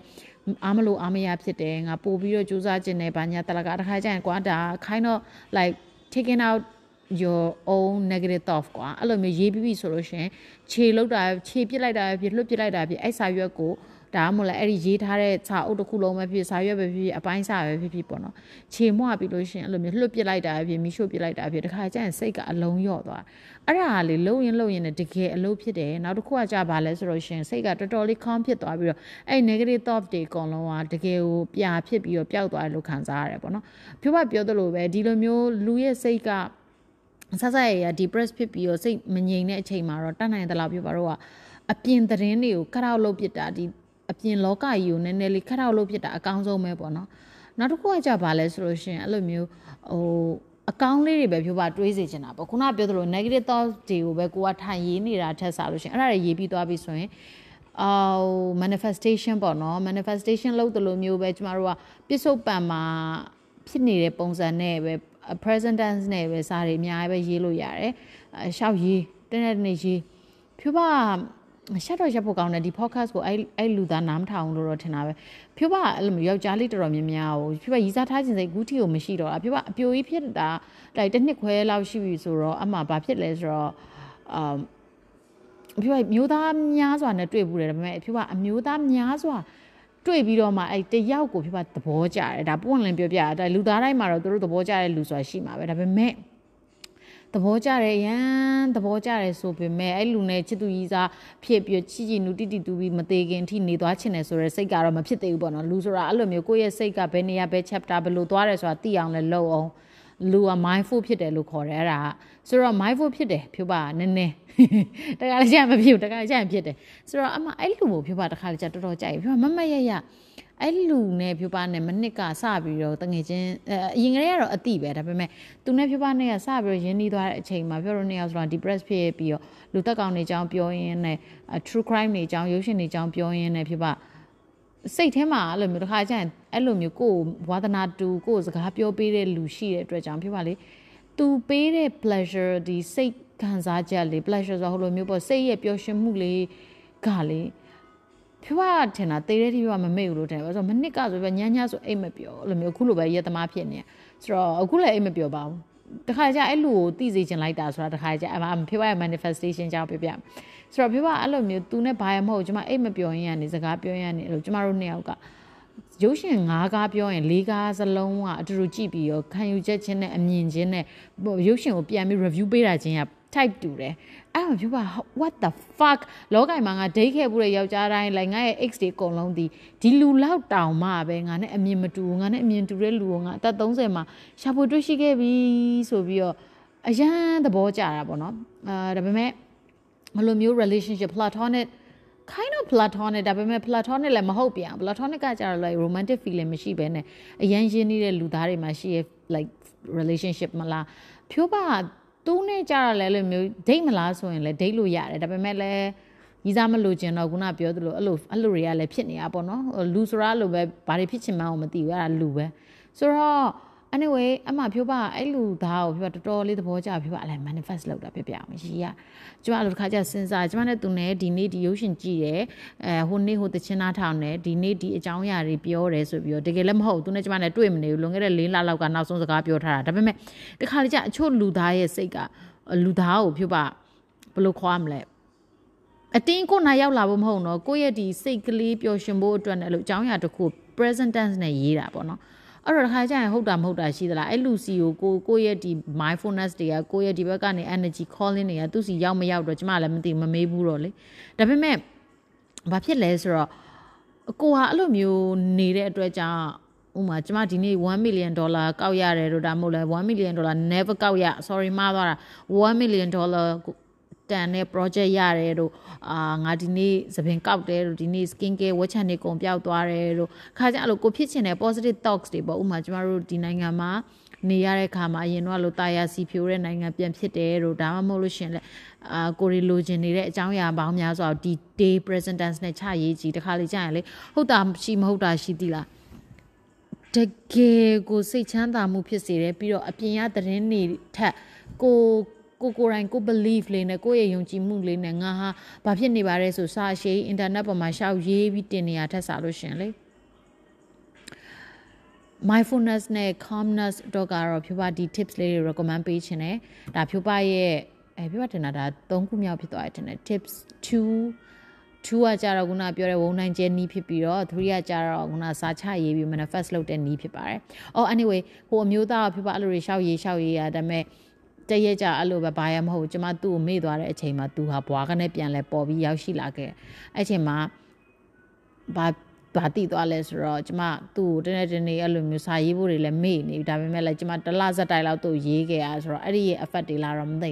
ရုပ်တရက်ကြီးဘွားကနေရောက်ရှိလာပြီသူနဲ့ကျမနဲ့လက်တလောကတော့အဲ့လိုမျိုးခင်မင်ပြီးတော့တွေ့ဆုံတာလေးတော့ရှိရယ်နောက်တစ်ခုကကြာဘာလဲဆိုတော့ဘယ်လိုခေါ်မလဲ okay တယ်လို့ပဲပြောလို့ရတာပေါ့လေအဲ့ကိစ္စကတော့ဘာဖြစ်သွားလဲတော့မသိဘူးနောက်ပိုင်းသိကျင်တဲ့လူတွေရှင်လဲကျွန်မအလစ်တဲလေးပြောပြမယ်ဒါပေမဲ့တော့လောလောဆယ်တော့သူနဲ့ရုပ်ရှင်ကြည့်ဖို့တော်တော်အချိန်ယူရပါဆိုတော့ကျွန်မကိုယ်တိုင်လည်းမအောင်သူလည်းမအောင်နောက်တစ်မျိုးကကြပါလဲဆိုလို့ရှင်နိုင်ငံကြီးကလည်းကြက်တီတုံးနေအခါကျတော့တစ်ခါကျရင်အချို့အကြောင်းအရာတွေကလူတစ်ယောက်နဲ့တစ်ယောက်နဲ့စုံစည်းဖို့ကပို့ပို့ပြီးဝေးသွားတယ်လို့ခံစားရတယ်။ Anyway ကတော့နောက်ထပ် tips တစ်ခုအတွက်ကိုလည်းဆက်ပြီးပြောပြမယ်နော်။ အာနောက်တစ်ခုကကြတော့ဗာလဲဆိုလို့ရှင်ဖြိုးပါကွာလို့မျိုး motivational speaker တွေကိုအမှန်တမ်းပြောရင်မကြိုက်ဘူးဒါပွင့်လင်းပြောတာတခါတကြတော့အချို့ motivational speaker တွေက like relevant ဖြစ်တယ် relate ဖြစ်တယ်လို့ခံစားရတယ်။အချို့ကြလဲလို့မျိုးဟဲဘာတွေပြောနေရလဲပေါ့နော်ကျမလိုလူမျိုးတာလို့ပြန်တွေးတဲ့ဟာတွေရှိတယ်ဒါပေမဲ့ ဖက်ပြောချင်တာကြတော့ဒါဒါပေမဲ့အဲ့လိုမျိုး motivational speaker တွေကဒီသွားပြီးတက်ရောက်တဲ့လူသားတွေရှိတယ်အဲ့လို vocational training နဲ့တိတ်မရှိဘူးတဲ့သူတွေအဓိကတော့အဲ့လိုမျိုး education နဲ့နည်းနည်းဝေးတဲ့သူတွေအတွက်ဆိုရင်အဲ့လိုမျိုး motivational speaker တွေပြောတဲ့ဒီသူတို့ရဲ့ tips and trick ပေးတဲ့သင်တန်းတက်ဖို့တို့ဘယ်လိုကြိုးစားဖို့တို့ဘာတွေသင်ထားဖို့တို့ဘာတွေလုပ်ထားဖို့ဆိုရဲဒီ soft skill တွေတခါကျ something လူရဲ့ basic ဒီလူသားဖြစ်ဖို့အတွက်တတ်ဖို့လိုတဲ့ little လေးတွေဆိုရင်လူသားအဲအဲအဲအဲအဲ့လိုမျိုးဟိုကွက်တီဖြစ်တယ်လို့ပြောခံစားရတယ်ဒါပေမဲ့ဖြူပါတို့လိုမျိုးကွာတလားဟိုတစိုးတိုးစတောက်ကန်လိုက်ဂျိုသူဂျိုသားမတွေကိုဖြစ်ကိုခံဟိုကိုလေးလာကိုတင်ကြကိုအားကိုကိုရဲဆိုတဲ့လူတွေကြအဲ့ဒါမျိုးအဲ့ဒါမျိုးတွေနားထောင်ရလို့ရှင်ကွာဟာတားတွေပြောနေရလို့ခါကြခံစားရဘာဖြစ်လို့ လူတယောက်နဲ့တယောက်နဲ့သူတို့ကြီးပြင်းလာတဲ့နေရာဒေတာပညာရေးစားတောက်ကျမရေးအဆဆရေးရဒီအတိုင်းဝိုင်းအကုန်လုံးကမတူဘူးလေမတူဘူးဆိုတာဒါမြန်မာနိုင်ငံထဲမှာပဲဒီပြဿနာငရေအိုးတုံးခုတွေကြာနေတဲ့နေရာချင်းချင်းကိုလိုက်မတူတာကိုပြောတာပြောပြတာပါဆိုတော့ဘယ်လိုလဲဆိုတော့ဖြူပါဆိုတခါလေးကြာလို့ရှင်ဖြူပါကအာဘယ်လိုဖြစ်စေခြင်းလဲဆိုတော့အဲ့လိုမျိုးလူတွေကိုအဲ့လိုစိတ်တကြလို့ရှင်အသက်ရှူပြီးတော့ဘယ်လိုခေါ်လဲအာ နေပေါင်းနေပေါင်းအမှဖြိုးပါကိုရိုင်းနာအဲ့ဒီမြန်မာစကားပြောတဲ့အဲ့ဗီဒီယိုတွေကြည့်ရတယ်တရားထိုင်မှုတင်တာကျမလောကကြီးမှာလုံးဝတရားထိုင်လို့မရဘူးဒါပေမဲ့ကျမနေရာတနေရာထဲမှာလုံးဝမရွှေ့ဘဲနဲ့6နာရီထိုင်လို့ရတယ်ဒါပေမဲ့တရားထိုင်တာ6မိနစ်ကိုလုံးဝမရအဲ့တော့ဒါပေမဲ့ကျမအတွက်ကျတော့ calmness ဖြစ်သွားပြောတခါကြာရင်အဲ့လိုမျိုးအရာတစ်ခုကိုကြားပဲဥမာအခုဆိုလို့ရှိရင်ပြပါ productive ဖြစ်အောင်ဆိုပြီးပန်ငါဖွင့်ပြီးပန်ငါကြီးကိုစိုက်ကြည့်ပြီးတော့ဒီစကားတွေဇက်တိုက်ပြောနေတယ်လို့ပေါ့လူသားတွေမှာသူတို့ attention ထားပြီးတော့သူတို့တစ်ခုခုကို သူတို့ရဲ့ muse လေးတခုအဲ့လိုဘယ်ခေါ်မလဲ center of attention တခုခုနဲ့ကိုယ့်ရဲ့ဒီအကြောင်းအရာအားလုံး operation တွေကိုလဲပတ်သွားလို့ရအောင်လို့လုပ်တဲ့ဟာမျိုးရှိရပေါ့နော်အဲ့တော့ပြပဆိုရင်ပုံမှန်အရင်တော့နေတဲ့အိမ်မှာဆိုရင်ပတ်ဝန်းကျင်ကစိတ်ငြိမ်နေရက်ွက်ဖြစ်တော့အခါကျရင်ကားတန်းလူတန်းဟိုဈေးတဲ့တန်းတွေဘာမှမကြားရအောင်အခုလောလောဆယ်ပြပအတွက် calm ဖြစ်စေတဲ့အကြောင်းအရာတစ်ခုကတော့ လက်တလောကလည်းတည်တဲ့အတိုင်းပဲမီဒီယာလည်းပြတ်တယ်ရာသီဥတုတွေကလည်းအရန်ပူတယ်မငုံတို့ထိုင်နေတာနဖူးကချွေချေမကြတယ်လှုပ်ရှားအလုပ်တွေလည်းအများကြီးရှိပေမဲ့ဟိုတငယ်ချင်းတွေကတော့ကျမကိုပြင်းလိုက်တယောက်တည်းနေပြီးတော့စိတ်တည်ညစ်နေမှာဆိုလို့အလုပ်တွေအရန်ခိုင်းတာစပယ်ရှယ်ခိုင်းတာအာဒါပေမဲ့လည်းကိုယ့်ရဲ့မှုကမပျော်နေတော့လှုပ်လည်းမလှုပ်ချင်ဘူးသိရမလားအဲ့ခါကျပြောဘာလှုပ်လဲဆိုတော့ဘာမှမလှုပ်တာပဲကျမဘာလှုပ်လဲညီမချင်းဘာမှမလှုပ်တာပဲ ကျမအိယာနေပြီးတော့အဲ3ရက်လောက်ရှိပြီကျမအိယာနေပြီးတော့10နိုင်17နိုင်မှကျမထားတယ်ကျမမနက်စာစားတယ်ကျမလိုပိုးလိုပလက်ကြီးလို့မီးလဲမလာနဲ့တူတော့နိုင်ရန်နဲ့မျက်နှာချက်ကိုထိုင်ကြည့်နေတယ်လှုပ်လို့မရဘူးလေဘာလို့လှုပ်နေလို့ရှင်ပူတယ်ပူလို့ရှင်ချွေးထွက်ပြီးတော့နောက်တစ်မျိုးပြဿနာတက်တယ်အဲ့တော့ကျမဘာမှမလုပ်ငို့လို့လေးထိုင်နေတယ် အဲ့ချိန်မှာဘာလို့ကျမခံစားမိလဲဆိုတော့အဲ့သူ့ဘောက်သူရောက်လာတဲ့ calmness ဆိုတာရှိရလူတစ်ယောက်ကသူအသက်ရှင်နေလို့ရှင်လူတွေဟာအသက်ရှင်နေရင်သူတို့မှာဒီအာယုံခံနိုင်တဲ့ဒီဒီဒီခံစားချက်တွေရတဲ့ sense တွေအကုန်ရှိတဲ့အတွက်ကြောင့်ကျမတို့ကလေလို့ငြိမ်သွားပြီးတော့လုံးဝ response တွေအများကြီးမရှိဟိုဟာမလုပ်ဒီဟာမလုပ်ဆက်စလူးတွေမထနေပဲနဲ့ငြိမ်တဲ့အချိန်မှာပဝင်းကျင်ရဲ့ဖြစ်ပြက်နေတဲ့သဘောတရားတွေအကုန်လုံးကကိုယ့်စီကိုလာပြီးတော့ဝင်တာ အဲ့တော့ပြောပါဝရန်ဒါလေးမှလုံးငုတ်တို့လေးထိုင်နေပြီဆိုလို့ရှင်အဲကောင်းငင်ကြီးလိုက်မိုးအုံမျိုးမိုးမရွာတဲ့ဟာကြီးကိုပြောပါခံစားမိတယ်ခါကြငှက်တန်နေခံကြားတယ်ကားတန်နေကြားတယ်မထော်အတန်နေကြားတယ်မထော်အတန်ကြီးများချင်းဘုံကွဲနော်အတန်ဘုံတို့ဘာတို့ဘာတွေလည်းမသိစူညမ်းနေတာပဲနောက်တစ်ခုကဘာလဲဆိုတော့အာပဝင်းချင်းအိမ်ကအဲပြပအခုနေတဲ့တိုက်ရဲ့အရှိမတိုက်တစ်ခုရှိအဲ့တိုက်ကလူတွေကို တနေ့တနေ့ကျမလည်း creeper လို့ဖြစ်နေပြီအဲ့ဘက်တိုက်ကလူတွေမနက်မိုးလင်းဒီဘက်တိုက်မှာဒီနေရာမှာဒီတခန်းကလူကရက်တောင်ခတ်နေတယ်ဒီဘက်ကလူကသူရမ်းပူတယ်လေသူလည်းရက်တောင်ခတ်ပြီပေါ့ဆိုတော့ဒီဘက်ကလူကကြတော့အဝစ်လှမ်းနေတယ်ဖြူပါအဲ့ဒါလေးထိုင်ကြည့်ဆိုတော့လေတခါကြရင်လေဘာမှမလုပ်ဘဲနဲ့ဒီလူဆိုတာလူဖြစ်တဲ့အတွက်ကြောင့်ငါတို့ကအသက်ရှင်ရမှာပဲငါတို့လူဖြစ်တဲ့အတွက်ကြောင့်လုံနေရတဲ့အချို့တော့ဒီအကြောင်းအရာတွေ text တွေအများကြီးရှိတယ် အဲ့ခါကျတော့အဲ့ဒါမျိုးတွေကမသေးခင်ပဲလောက်ရတာလူဖြစ်တုံးပဲလောက်ရတာကြောင်ဆိုလို့ရှိရင် तू sleeping beauty ဖြစ်နေပြီမိုးချီဆိုအိတ်နေပြီဆိုတော့ဘယ်လိုပြောချင်တာလဲဆိုတော့အဲ့လိုတခါကြာရင်အဲ့ကိုကိုဘာကိုငြိမ်ငြိမ်လေးနေခြင်းအပြင်ပတ်ဝန်းကျင်ကဒီရှေ့ကိုဆက်သွားနေတဲ့အချိန်တွေရှေ့ကိုဆက်သွားနေတဲ့အကြောင်းအရာတွေဖြစ်ပျက်နေတဲ့အကြောင်းအကြောင်းအရာတွေအကုန်လုံးကိုကသတိထားမိရေပေါ့နော်အဲ့တော့ညဖြိုးပါကူသတိထားမိရတော့အဲ့ဒါလေးပဲတနေ့တနေ့ဘယ်လိုခေါ်မလဲ ဘာမှမလုပ်ဘဲငုတ်တုတ်ထိုင်ပြီးတော့အိမ်မြောင်လမ်းလျှောက်တာဖြစ်ဖြစ်လေတိုက်တာဖြစ်ဖြစ်တရွက်လောက်တာဖြစ်ဖြစ်ဒီလိုလေးပဲထိုင်ကြည့်ပြီးတော့အော်ဒါတဘာဝပဲဖြစ်ပြနေရပဲဆိုပြီးတော့နည်းနည်းလေးစိတ်ငြိမ်နေပေါ့နော်အဲ့တော့ငငယ်တုန်းကလို့သာပြောလို့ရှင်ကျမအဲ့လိုတနေကုန်ထိုင်နေတာကိုလူကအိမ်ကလူတွေမြင်လို့ရှင်တော့ ကောင်မအပြင်းကြီးလိုက်တာတစ်ချိန်လုံးကြောခင်းနေတယ်တည်ရမလားမလေးနင်အဲ့ဒီပုံစံနဲ့လင်ရလို့ရှင်တော့လင်ရိုက်တာခံရမယ်တို့အပြင်းကြီးတယ်တို့ဆိုတော့ကျမအဲ့ဒါမျိုးတွေကိုမကြားနိုင်လို့ကျမပါကျမကြောတနေကုန်ခင်းကျင်လို့ကျမတယောက်တည်းနေတာသွားကျမတစ်ခါကျရင်ကျမစူးစမ်းခဲ့ရဒီလိုမျိုးလေးတင်မလားအတင်းကိုရုံးကန်ပြီးတော့ပတ်စံလေးတွေကိုလိုမျိုးတနေ့တနေ့ငငယ်တော့ဆိုမှတ်မိရဲ့လို့တပတ်လုံးမှာမှ2000သုံးတာတော့ဘာလို့ဆိုတာရှိရဲ့ ဆိုအဲ့လိုမျိုးချစ်ကုတ်ပြီးစုပြီးတော့အခုတော့တနေ့ကုန်ကိုကြောခင်းလို့ရပြီကိုကျင်တတ်တယ်တနေ့ကုန်ဘာအလုံးဝမလုပ်ဖဲနဲ့ဟိုဘာဖြစ်လို့ဆိုတော့ future ကိုတခါကြအများကြီးတွေးနေလို့ရှင်ပင်ပန်းတယ်လေကျမအဲ့ဒါအတိုင်းပဲကျမ Capricorn ဆိုတော့ခုနပြောသလိုပဲအရန်ဖြူပါ future ကိုတွေးတဲ့လူတွေမှာပါ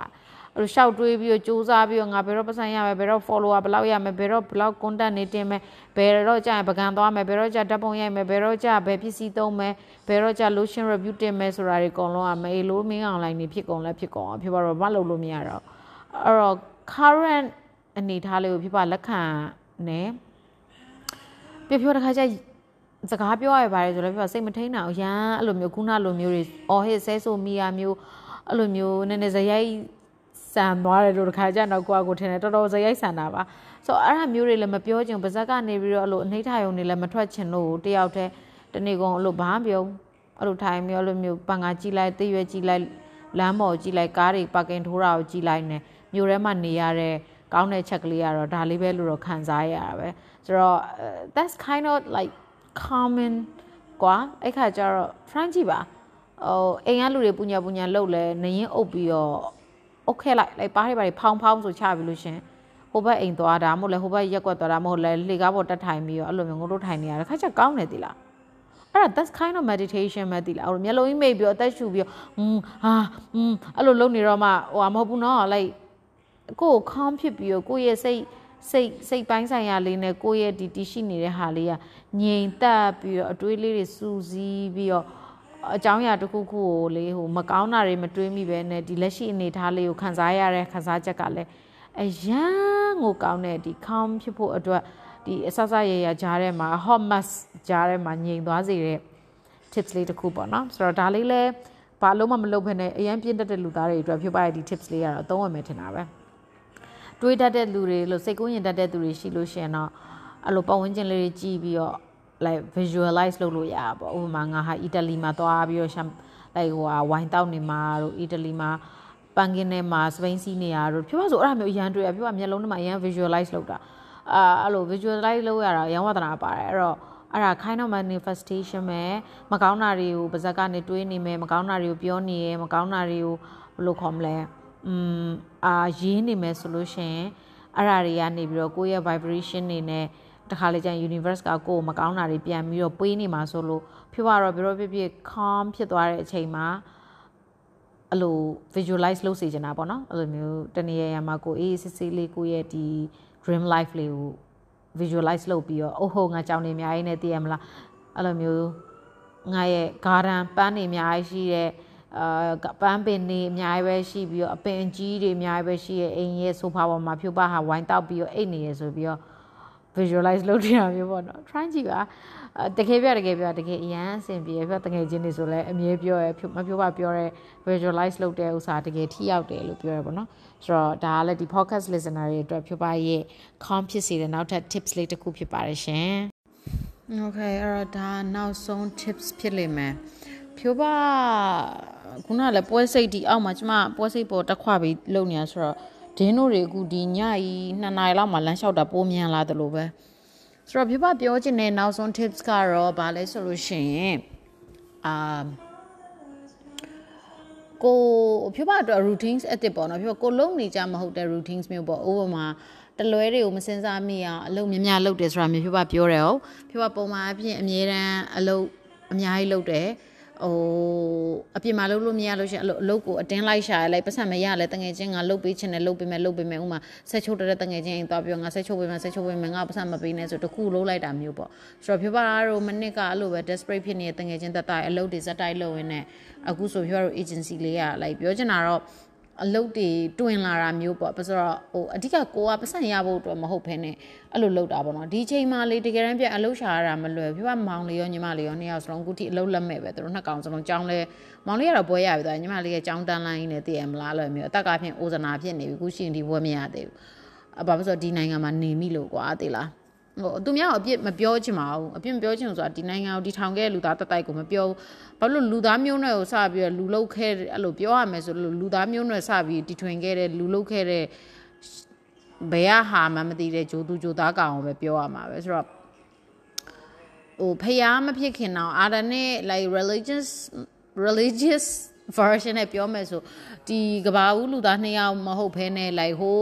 scientifically ရပြောမယ်ဆိုရင်ဘယ်သူဘယ်ဂျိုကနေ living organism နေကဘာကြီးမှာစပြီးပေါက်ဖွာလာမှမသိဘူးတော်တော်ကိုကြက်တီတုံတာလူဖြစ်ရဂျိုးကိုမနှက်ဘူးပေါ့နော်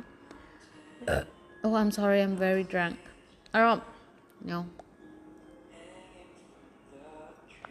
ခုနကတော့ဒီဥစားဝိုင်းအောင်နည်းနည်းလေးချင်းတင်တင်ဖြစ်လာတယ်လို့ပဲဆိုတော့ အဲ့တော့ဘယ်လိုလဲဆိုလို့ရှင်လူကဘဝမှာတက်ကတခါပဲရလीကိုက vampire လည်းမဟုတ်ရုပ်ရှင်တွေက mystery တွေလည်းမဟုတ်ဘူးကိုက like ကိုသိရင်သိပြီပဲလူဆိုတာသိပြီဘူးမှမမှတ်မိဘူးကဘာပေါ်ကအရန်ကို like life changing လောက်သွားတဲ့လုံးဝ globalization life changing အဓိကအစစရရ history လောက်သွားတဲ့သူသားလူသားတွေကလွဲလို့ကိုသေးသွားရင်ကို like အိမ်ကလူတော်တတိယမှာမဟုတ်ဘူး အဲ့ဒါအဖွင့်လင်းဆုံးပြောတာဟို Billy Eilish Billy Eilish ဆိုတော့ပြောသူတချင်းနေနားမထောင်ဒါပေမဲ့ Billy Eilish ပြောသလိုပဲနဲ့လူတိုင်းကတေမတေပြီးလို့ရှင် no one is going to remember you ဟုတ်တယ်ဟောဆိုတော့အဲ့ဒါကြဘာလဲဆိုတော့အဲ့ people pleaser မလုပ်နဲ့နံပါတ်1ချက်အနေနဲ့အဲ့လိုမျိုးလူတွေက ဘလို့ခံယူချက်ချင်းခံစားချက်ချင်းဒီအချိန်မှာလူတိုင်းကသူ့ရဲ့ version နဲ့သူက feedback တွေကအများကြီးလာနေ reaction တွေကလာနေချင်းတော့ကြောင့်ငါတကယ်ချင်းအရင်ဒေါသထွက်နေလို့ငါပါအိုးလို့လို့ရမယ်တော့ဥမာ तू ကဒေါသထွက်ပြီးကိုနင်းကငါဒီလိုဖြစ်နေနင်းကခေါင်းဖြစ်နိုင်တယ်ပါလားပြောရှင်ဒါနင်းစောက်တော့မကြမှုပဲလိုက်လောကကြီးမှာလူတိုင်းကသိမှာပဲဒါပေမဲ့မောဟနဲ့ဒေါသနဲ့သိလို့ကတော့လိုက်ပိတ်တာဖြစ်မယ်ဆိုတော့ဟုတ်လားမဟုတ်လားတော့ကျွန်မလည်းမသိဘူးမဖြစ်ဘူးတော့ဒါပေမဲ့လေပဲပြောချင်တာ like calm ဖြစ်ပြီးတော့တည်တာနည်းနည်းပိုကောင်းမယ်လို့ပြောခံစားရတယ်ပေါ့နော်ဆိုတော့နောက်တစ်ခု calm ဖြစ်ဖို့လုပ်တာတော့ပြောဒါ routine အစ်စ်ပဲပြောပါဘယ်တော့မှမလုပ်ပြောပါအရန်ငြိမ်တဲ့လူတွေမှာပါငြိမ်နေဆိုအဲ့လိုမသိဘူးကွာပြောပါတိတ်ပြီးလမ်းလျှောက်လို့မရှိဘူးဒါပေမဲ့လောလောဆယ်ပြောပါပြောပါတော့ဟိုသွားတီသွားလမ်းလေးအလစ်တဲ့လမ်းဆင်းလျှောက်တာမျိုးပြောပါလုပ်ဖြစ်တယ်လမ်းလျှောက်ရတဲ့အခါမှာဘယ်လိုပြောရမလဲပူတယ်နံပါတ်1ချက်နေတယ် ဘယ်လိုပြောရမလဲမဟုတ်တော့ဘူးတယ်မတ်တောင်မတက်ထားနိုင်အောင်အလိုချွေးတွေထဲကတတိတိကြဒါပေမဲ့တခုကဘာလဲဆိုတော့ပြောရလို့မျိုးငငယ်တုန်းကအကြောင်းအရာလေးပြန်တွေးမိရင်ငါငိမ့်ချမ်းတဲ့ဘဝလေးတုန်းကပေါ့လို့မျိုးနေကနေပြီးတော့ရန်ကုန်ရောက်လာပြီးတော့လည်းအဖေတို့မေတို့ကမလိုက်လာနိုင်ဘူးဘယ်တော့ဖြစ်ဖြစ်အဲဘယ်သွားသွားလို့ဘတ်စကားလေးစီးပြီးဟိုသွားတီသွားလမ်းလျှောက်ပြီးဆိုလဲအဲ့လိုမျိုးအချိန်တော့ဆိုလိုက်မသိဘူးအဲ့တော့ကလေကို့မှာဘာမှမရှိဘူးဘာမှမပြည့်စုံပေမဲ့လေ ကိုမအလုပ်လည်းမရှိဘူးကိုကြောင်းတက်နေတော့လေးပဲရှိသေးတယ်ကိုလှုပ်ချင်တာဘာလဲဆိုတော့ကိုကကိုတခါကျဒီလို beauty blogger ဖြစ်လာမယ်လို့ကိုကိုထင်အောင်မထင်သားခဲ့ရကျမအဲ့တော့အာပေတူရုပ်တလား oh my god စုပ်ပြက်နေရပဲဆိုတော့အမဘလို့ဖြစ်လဲဆိုတော့အဲ့ဒီဟာလေးကိုအရန် တတိပြန်ရစီရဲ့အဲ့နဲ့ဖြိုးပါမြို့ထဲမှာခဏနေတော့တော့ဖြိုးပါနေ့တိုင်းတော့လမ်းလျှောက်ဖို့ကြိုးစားမယ်ဖြိုးပါအတွက်ကတော့ပတ်ဝန်းကျင်ဒီအိမ်နာနီးနားလေးကိုဟိုလမ်းလျှောက်ဒီလမ်းလျှောက်လေးပေါ့နော်ဆိုတော့တခါကျရင်ကိုကလှုပ်ရှားမှုမရှိတဲ့လူဆိုရင်နည်းနည်းလေးလှုပ်ရှားကြည့်ပါဒါမှကိုကအမြဲတမ်းအလိုလှုပ်လှုပ်ရှားရှားနဲ့အလုပ်အမြဲလုပ်နေရတဲ့လူသားဆိုလို့ရှင်တော့နည်းနည်းလေးခန်းဖြောင်နေကြည့်ရတော့ဖြိုးပါထင်တာအရန်အဆင်ပြေမယ်ထင်တယ်နောက်တစ်ခုကကြပါလဲဆိုလို့ရှင် အအာအဖေတို့မဟုတ်အမေတို့မဟုတ်ကိုနဲ့အရန်ရင်းနှီးရဲ့လူတယောက်ယောက်နဲ့အဲ့လိုမျိုးလေးဟာတာလေးတွေပဲပြောရဖြစ်ဒိတ်ထွက်ကြည့်အာဒိတ်ထွက်ဆိုတာလေအပြင်သွားမှာမဟုတ်ဘူးမှာအိမ်မှာပုံမှန်အမေတို့ဖေတို့နဲ့ထမင်းစားနေရနေပြီးတော့အမေတို့အာပီဇာဝယ်ထားတယ်တို့မေတို့လက်ဖက်တုပ်ထားတယ်တို့မေတို့အာဖာလူတာဝယ်လာတယ်တို့ဘာလို့လုပ်ကြည့်သလားဖြိုးပါအဖေနဲ့မေကလေအာ အမြဲတမ်းပြောတော့လည်းမနေဘူးပေါ့နော်အာမနေတော့သူတို့ကသူတို့လည်းမရအခုထိအလုပ်လုပ်တော့မှဆိုတော့အခုလောလောဆယ်အိမ်ပြင်နေတော့မူချီကိုလည်းသူတို့ထိမ့်ပေးနေရောအာဟိုတနေ့အဖေရဲ့မေရဲ့ဖြူပါရဲ့ဘာရမဟုတ်အလုပ်အတွက်ပြင်သွားရင်ကနေပြီးတော့လမ်းမှာအမေကအချိုကြိုက်တယ်ဖြူပါလည်းပြောပါအရန်စိတ်ညစ်တယ်အခုတလောရန်စိတ်ညစ်တဲ့အတွက်ကြောင့်အချိုစားမယ်လို့ရန်စိတ်ညစ်ရင်အချိုစားရင်လည်းနည်းနည်းလူကပျော်တယ်လေအဲ့နဲ့ အမေကလည်းအေးဟုတ်တယ်အချိုစားခြင်းနဲ့ဆိုပြောလို့တမိသားစုတော့လိုမျိုးဘာမဟုတ်ဖာလူတာလေးသွားဝယ်တောက်တာတော့မုံလေးပါလေးသွားစားတာတော့လေခါကြရင်လေဘာရမဟုတ်အဲ့တော့ဖုန်းလည်းလုံးဝမကအမေနဲ့ငငယ်တော့အဲ့လို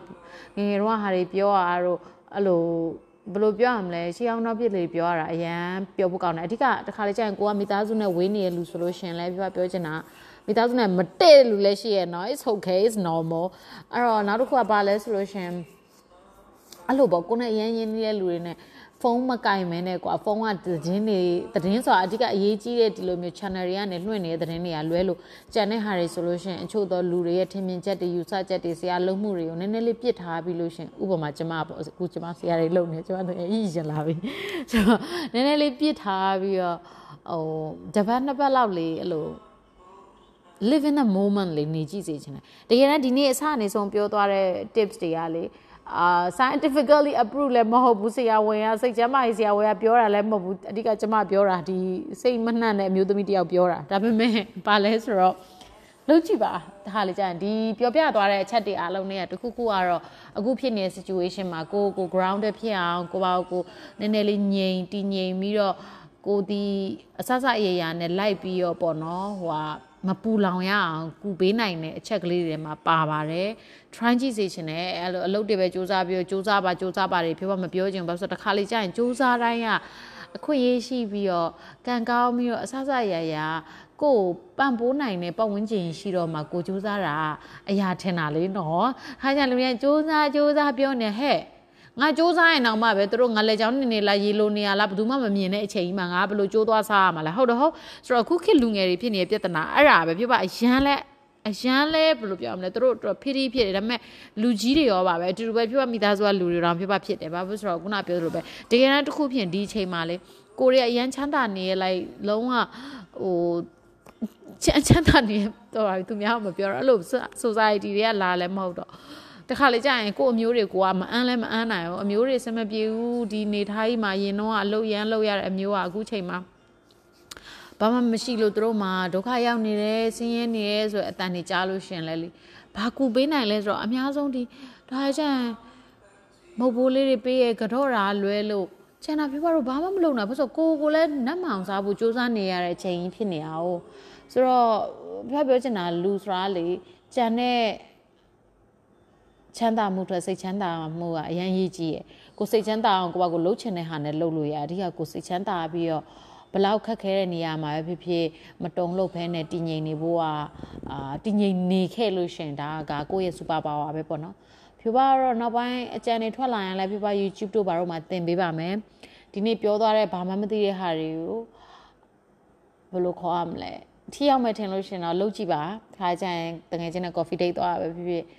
အာလိုက်မကဟိုကြည့်မြရတဲ့လူကြောင်စော်တင်ထိုင်တုတ်တာဖြစ်ဖြစ်အဓိက internet မသုံးနဲ့ကွာဒီလားအပြင်ကအပြင်ဘဝကြီးကိုနည်းနည်းလေးနေစေချင်တာဖြိုးပါအပြင်ဘဝကိုနေဖို့ဒိုးနိုင်ငံမှာအရင်ကလိုနေပြီပေါ့နော်နောက်တစ်ခုကကြာဘာလဲဆိုလို့ရှင်အာ လက်ရှိဘဝကိုခံစားပါအဲ့ဒါကြောင့်မလုံးလားပြောသလိုပတ်ဝန်းကျင်ကိုလေ့လာပါစူးစမ်းပါပတ်ဝန်းကျင်ကအရာတွေကိုပဲခံစားကြည့်ပါအင်တာနက်ပေါ်အရာတွေကိုပဲမခံစားပါနဲ့ဒီချိန်မှာဖြစ်ပါတို့ကိုတုံလုံးခြောက်ချားပြီးတော့ငိုကျင်ပြီးတော့ဝမ်းနဲ့နိုင်အောင်လုပ်နေတာကဒီ digital media ပေါ်ကအကြောင်းအရာတွေသတင်းတွေစာသားတွေလူတွေရဲ့ပြုမှုပုံတွေကများတယ်အပြင်ကကိုပတ်ဝန်းကျင်တေချာတော့ဟိုဘက်ရင်ကလူကနေကိုတစ်ချိန်လုံးမဲရွယ်ပြမနေဘူးကွပြုံးပြမှာပဲဆိုတော့ပြောချင်တာ that that is positive okay ဆိုတော့အဲ့တော့ဒီ focus ကရန်လေးရှည်သွားမှာဆိုလို့ပြပါလဲအရင်အိမ်ငိုင်းနေမှာ meeting ရှိသေးတော့ပြပါသွားတိုက်ပြီးတော့ skin care လုပ်ပြီးရင်ပြပါအိပ်ပါတော့မယ်ဝက်ချန်တောင်ထွက်နေတယ်လို့ပဲဆိုတော့အာခဏနေပြီးရုပ်ရှင်ကြည့်မလို့စဉ်းစားရဆိုတော့နောက်ပိုင်းအဲ့လိုစိတ်ညစ်လို့ရှင်ကြည်တဲ့ရုပ်ရှင်တွေရဲ့စိတ်ညစ်လို့ရှင်ဒီကအိမ်မှာဘယ်လိုခေါ်မလဲ အိမ်မှာတယောက်တည်းရှိနေတဲ့အချိန်မှာ like ကလို့ကောင်းတဲ့သချင်းတွေပါညာတွေကိုနောက်မှ playlist တွေလုပ်ပေးရဖြစ်ဖြစ်ဒါမှမဟုတ်လို့ရှင်ရင် YouTube မှာဖြစ်ဖြစ်ဒါမှမဟုတ်လည်း podcast မှာဖြစ်ဖြစ်ပါနောက်မှဖွင့်ပြပေးပါမယ်ဖြစ်ပါရ podcast မှာဖွင့်ပြပေးလို့ရတယ်အဲ့တော့ဖြစ်ပါနောက် လာမယ့် podcast မှာဖြူပါလိုမျိုးအမြဲတမ်းဝိုင်းတောက်ပြီးအိမ်မှာကိုကကို music ဖွင့်ပြီးတော့ဖြူပါကိုပျော်အောင်လုပ်ပြီးတော့ like don't စရုံထားမိစေတဲ့တခြင်းအမျိုးသမီးတွေပေါ့နော်ယောက်ျားလေးတွေအတွက်တော့ဖြူပါမသိအမျိုးသမီးတွေနားထောင်လို့ရတဲ့တခြင်းတော်တော်များများကို playlist လုပ်ပြီးတော့နောက်လာမယ့် podcast မှာလွှင့်ပေးပါမယ်အဲ့တော့ဒီနေ့ဖြူပါအများကြီးပဲပြောသွားတဲ့ဟာလေးတွေကတယောက်ယောက်အတွက်တနည်းတစ်ဖုံတော့အာအလုပ်ဖြစ်မယ်လို့မျှော်လင့်ပါတယ်ရှင်အဲ့တော့ဘာပဲပြော အာအားလုံးပဲစိတ်ဖြစ်အောင်နေပါအဓိကစိတ်ချမ်းသာရေးဂယူဆိုင်ပါစိတ်ချမ်းသာအောင်နေပါလက်ရှိဘဝမှာပျော်အောင်နေပါကျမတို့ Instagram နဲ့ Facebook နဲ့ YouTube မှာဖြိုပပ vlog ဆိုပြီးတော့ရှာပြီးတော့ follow လုပ်လို့ရပါတယ်အလားပါတလားပါလည်းလာပြောလို့ရတယ်ဒါမှမဟုတ် podcast မှာပြောစီခြင်းတဲ့အကြောင်းအရာတွေ let's talk about it မှာပြောစီခြင်းတဲ့အကြောင်းအရာပေါင်း16000ကို request လုပ်လို့ရပါတယ်ဖြိုပါသဘောကျနေကောင်းလေးကြောင့်ဆက်ပြောပြပါတော့ဒါမှမဟုတ်လဲလိုက်အချို့ကြအဲ့လိုမျိုးမိတ်ကလေးတွေတော်တော်များများအဲ့ဒါမျိုးတွေဆက်စုကြဆိုတော့ဖြိုပါလည်း ပြောပြရတာပေါ့ဖြိုးပါအခုဒီ talk about တွေက scripted မဟုတ်တဲ့အတွက်ကြောင့်တစ်ခါလေကြားလို့ရှင်ပြောသွားတဲ့စကားတွေကဟိုရောက်တယောက်ဖြစ်နေလို့ရှင်နားလည်ပေးစီချင်ပါတယ်ဖြိုးပါတက်နိုင်သလောက်အချောက်အကြောင်းအရာတွေကို fake fake တွေမလုပ်ချင်တော့ဘဲနဲ့ authentic version နဲ့ပဲသွားချင်လို့ဒီ podcast မှာ script နဲ့မပြောဘဲနဲ့စိတ်ထဲခံစားရတယ်မှန်မှန်မြောက်ပဲထိုင်ပြောထားတာဖြစ်ပါတယ်အားလုံးကျေးဇူးအများကြီးတင်ပါတယ် I love you so much bye